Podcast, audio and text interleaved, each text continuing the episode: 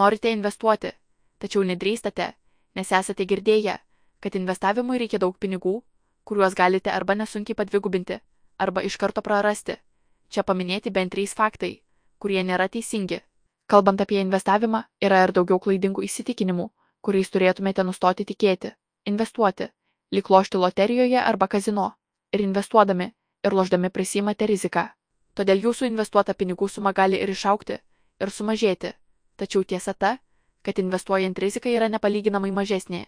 Be to, skirtingai negu azartiniuose lošimuose, laikantis pagrindinių investavimo principų galima ženkliai sumažinti praradimų riziką ir padidinti tikėtiną gražą. Panagrinėkime du pavyzdžius. Sakykime, kad per mėnesį išleidžiate 20 eurų loterijos bilietams. Tai sudaro 240 eurų per metus arba 4800 eurų per 20 metų. Ar laimėsite aukso puodą? Tikimybė itin maža.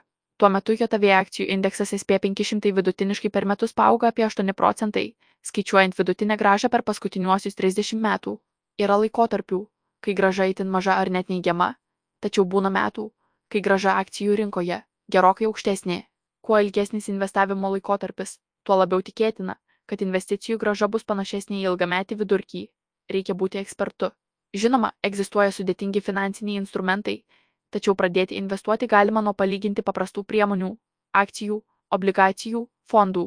Jei nuspręsite investuoti į akcijas, rekomenduojame pradėti nuo jums žinomų kompanijų, o pirmiausia - pasidomėti Baltijos biržose esančiomis įmonėmis. Įmonių finansinė informacija yra laisvai prieinama. Taip pat biržoje galite lengvai rasti svarbiausias naujienas, susijusias su jūs dominančia įmonė. Pradedantieji investuotojai pinigus gali įdarbinti fonduose, kurie investuoja į skirtingų priemonių krepšelį ir taip suteikia galimybę įskaidyti riziką. Investavimui reikia milijono ar kitos didelės sumos, kuri eiliniam žmogui atrodo neįkandama. Tai dar vienas mitas. Vienas garsiausių visų laikų investuotojų Varenas Buffetas, būdamas dar vienuolikmetį, savo pirmąją investiciją atliko įsigijęs keliais akcijas. O didžiulės sumas iš investicijų jam pavyko uždirbti per daugiau kaip 70 mečius trunkančią investuotojo karjerą. Kaip pavyzdys, fondai, kuriuos sudaro skirtingų finansinių instrumentų krepšelis. Tarkime, biržoje prekiaujami fondai ETF yra sukonstruoti taip, kad sektų didžiausių indeksų vertę. Pradėti į juos investuoti galima nuo minimalios sumos, pavyzdžiui, 30 eurų.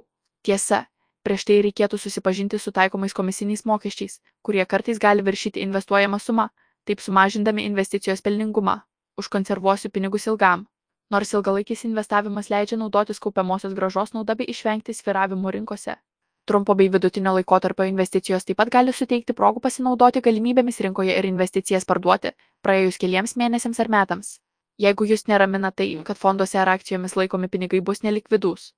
Dažniausiai pardavus finansinę priemonę, pinigai jūsų sąskaitoje atsidurs per keletą dienų.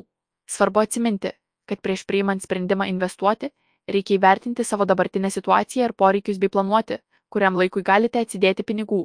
Jei pinigų prireiks neplanuotai, investicijas gali tekti parduoti nepalankiu metu. Investicijas būtina nuolat stebėti. Visi turime darbinių įsipareigojimų, todėl mintis, kad reikės kasdien sekti investicijas, gali gazdinti.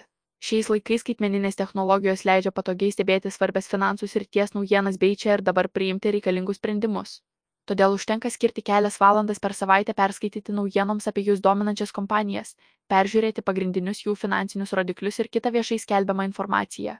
Jei investuojate į fondus, sekti įvairių bendrovių rezultatų nėra būtina. Svarbu išsirinkti patikimą fondų valdytoją ir bent retkarčiais pasidomėti fondo rezultatais bei nepamiršti reguliariai papildyti investuojamą sumą. Egzistuoja idealus metas pirkti. Vyrauja įsitikinimas, kad, norint sulaukti sėkmės finansų rinkose, pirkti akcijas reikia, kai jų kainos yra itin žemame lygyje, o parduoti, kai jos pasiekia aukščiausią tašką. Ieškodami tobulos progos, galime ne tik jas praleisti, bet ir sugaišti daug laiko taip ir nepasiekia jokio apčiuopiamo rezultato. Svarbiausia - pradėti investuoti tuo met, kai leidžia finansinės galimybės ir pasiryšti daryti tai tiek ilgai, kiek tik galite. Kuo ilgiau jūs investuosite, tuo lengviau pakelsite pasitaikančius rinkų sviravimus, o laikantis periodinio investavimo strategijos, investicijų vertė bus linkusi sviruoti santykinai mažiau. Investuosiu ir greitai praturtėsiu. Investavimas yra ilgo laikotarpio veikla, kurianti vertę ekonomikai bei jums asmeniškai, tačiau tikrai negreito pasipelnimo būdas. Svarbu suvokti, kad akcijų kaina auga dėl to, jog auga pačios kompanijos, o kompanijų augimą lemia didėjantis ekonominis aktyvumas valstybėje. Vis dėlto šalių ekonominis augimas dažniausiai sudaro kelis procentus per metus, todėl ir daugelis kompanijų negali aukti milžiniškais tempais. Aišku, pasitaiko išimčių, tačiau įvairios schemos ar pasiūlymai greitai praturtėti investavusi vieną ar kitą daug žadančią kompaniją dažnai baigėsi visos investuotos sumos praradimu per ilgus metus yra pasitvirtinęs vienas faktas rinkos apdovanoja pačius kantriausius.